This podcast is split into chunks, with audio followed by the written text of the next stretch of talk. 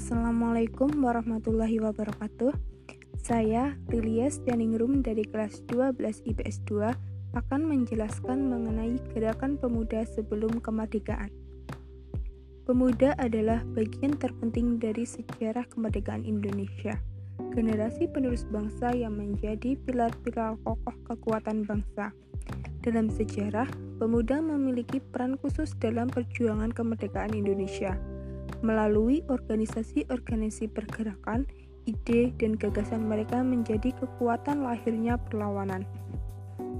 Selanjutnya, terdapat organisasi pergerakan. Yang pertama yaitu Budi Utomo. Budi Utomo adalah organisasi modern pertama yang berdiri pada tanggal 20 Mei 1908.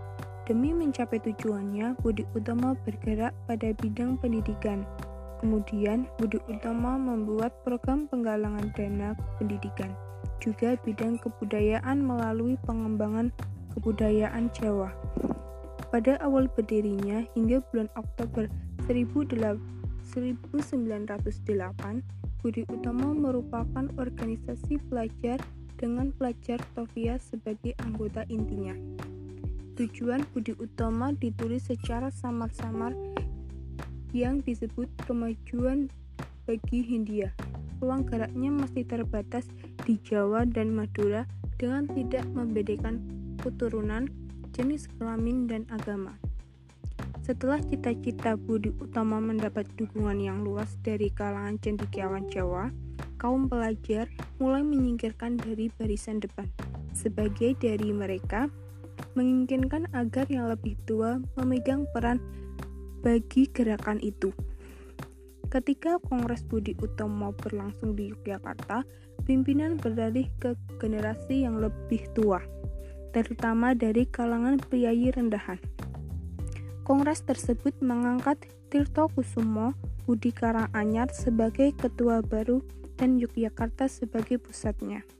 Setelah melalui perdebatan yang panjang, Kongres memutuskan bahwa Budi Utomo tidak berpolitik dan jangkauan pergerakannya hanya terbatas di Pulau Jawa dan Madura.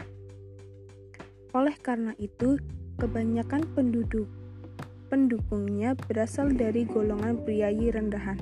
Budi Utomo menganggap perlu meluaskan pendidikan berat di kalangan priayi. Reaksi dari golongan di luar kelompok tersebut terwujud dengan pembentukan organisasi-organisasi sejenis yang hanya mewakili golongan masing-masing, seperti Jong Sumatera, Jong Ambon, Jong Minahasa, Paguyuban Pasundan, dan Sarekat Islam. Meskipun merupakan hal yang wajar dalam pertumbuhan proses integrasi nasional. Setelah persetujuan dari pemerintah kolonial sebagai badan hukum diterima setelah persetujuan dari pemerintah kolonial sebagai badan hukum diberikan, diharapkan organisasi Budi Utomo akan lebih melancarkan kegiatannya secara luas. Akan tetapi yang terjadi malah sebaliknya. Budi Utomo segera menjadi lamban.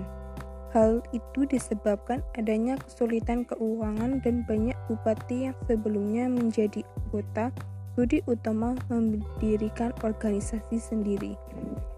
Selain itu, banyak pelajar Stovia dan golongan muda lainnya berhenti sebagai anggota.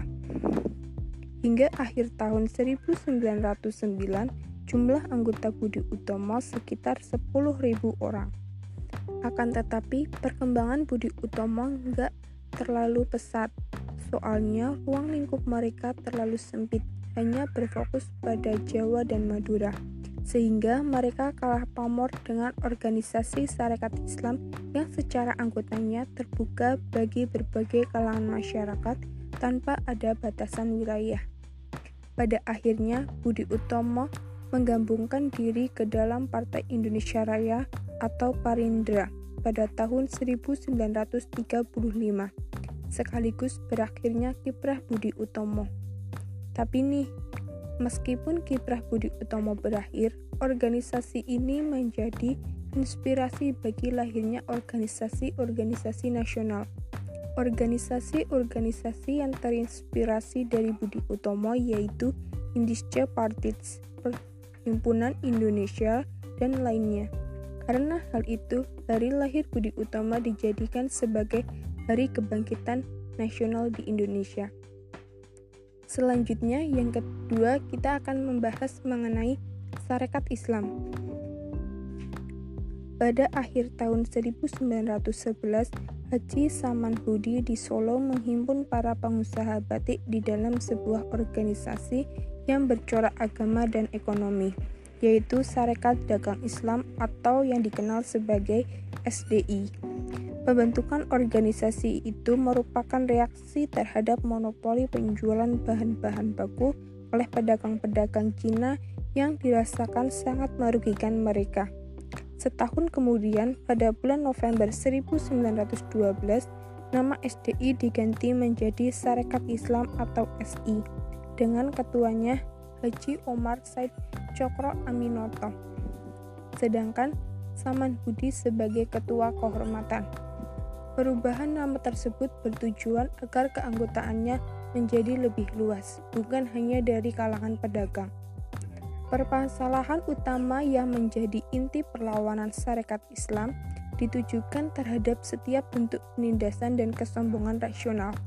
Berbeda dengan Budi Utomo, keanggotaan syarikat Islam bersifat terbuka, sehingga berhasil menyatukan lapisan masyarakat bawah yang sejak berabad-abad paling banyak menderita.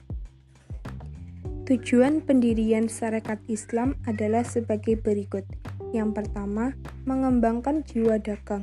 Yang kedua, memberikan bantuan kepada anggota-anggota yang menderita kesulitan. Yang ketiga, memajukan pengajaran dan semua yang mempercepat naiknya derajat bumi putra. Dan yang terakhir, menentang pendapat-pendapat yang keliru tentang agama Islam.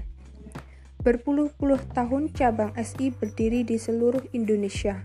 Pertumbuhan yang cepat itu mengakibatkan sebagian besar pengikutnya belum mempunyai pengertian dan tujuan dari kegiatan SI, lebih-lebih bagi mereka yang berada di pedesaan. Dalam kondisi yang mendemikian sudah dalam kondisi yang demikian, sudah barang tentu timbul penyimpangan-penyimpangan dari perjuangan SI, antara lain beberapa aksi massa yang mengatasnamakan SI untuk membenarkan tindakannya.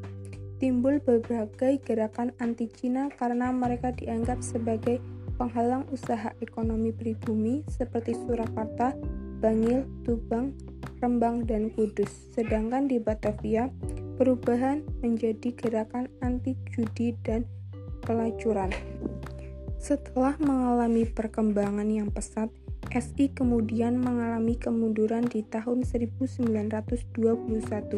Kemunduran itu terjadi akibat perpecahan di dalam Sarekat Islam sendiri.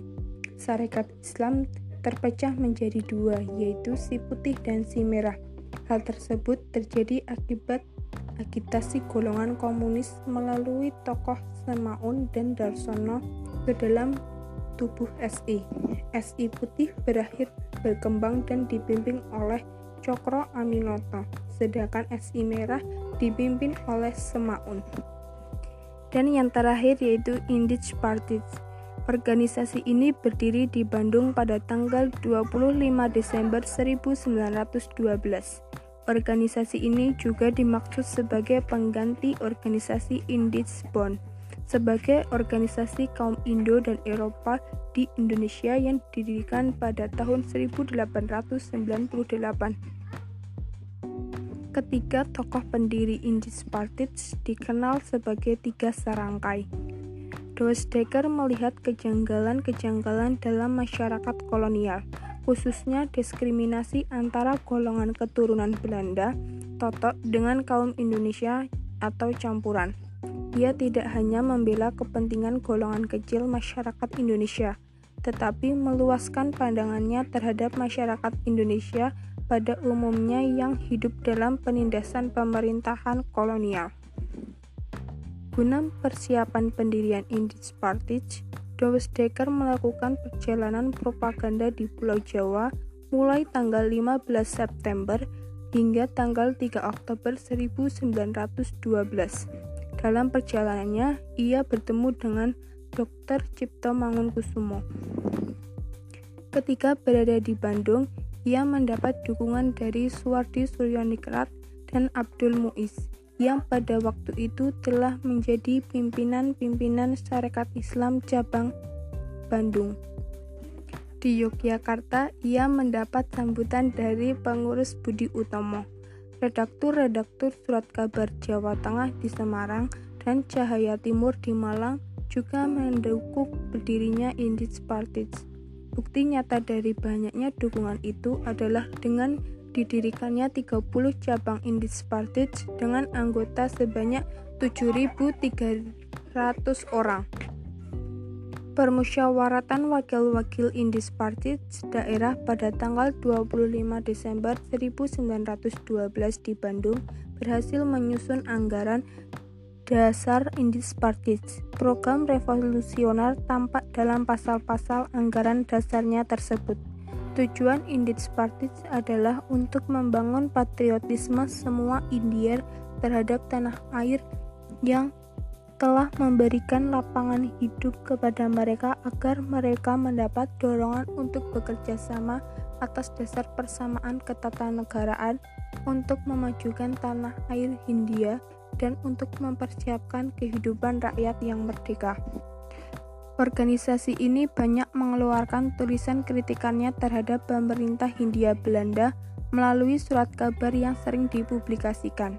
Salah satu tulisan yang paling dikenal adalah tulisan dari Suwardi Suryoningrat di surat kabar The Expert pada tanggal 13 Juni 1913. Akibat kegiatan-kegiatan organisasi ini yang terlalu keras menentang pemerintah kolonial Belanda, pada Desember 1913, Indies Parties dilarang melakukan kegiatan serta tokoh tiga serangkai diasingkan ke Belanda. Selanjutnya kita akan membahas mengenai tokoh-tokoh pelopor dari organisasi tersebut. Tokoh dari Budi Utomo yaitu Dr. Wahidin Sudirahusodo, mahasiswa Stovia yaitu Dr. Sutomo dan Gunawan Mangunkusumo. Tokoh dari Sarekat Islam yaitu Cokro Aminoto. Sedangkan tokoh dari Indis Partit yaitu tiga serangkai yang dikenal Tiga serangkai tersebut yaitu Dawes Dekker, Dr. Cipta Maunkusumo, dan yang terakhir Suwardi Suryoningrat. Sekian yang dapat saya jelaskan. Bila ada salah, saya mohon maaf. Wassalamualaikum warahmatullahi wabarakatuh.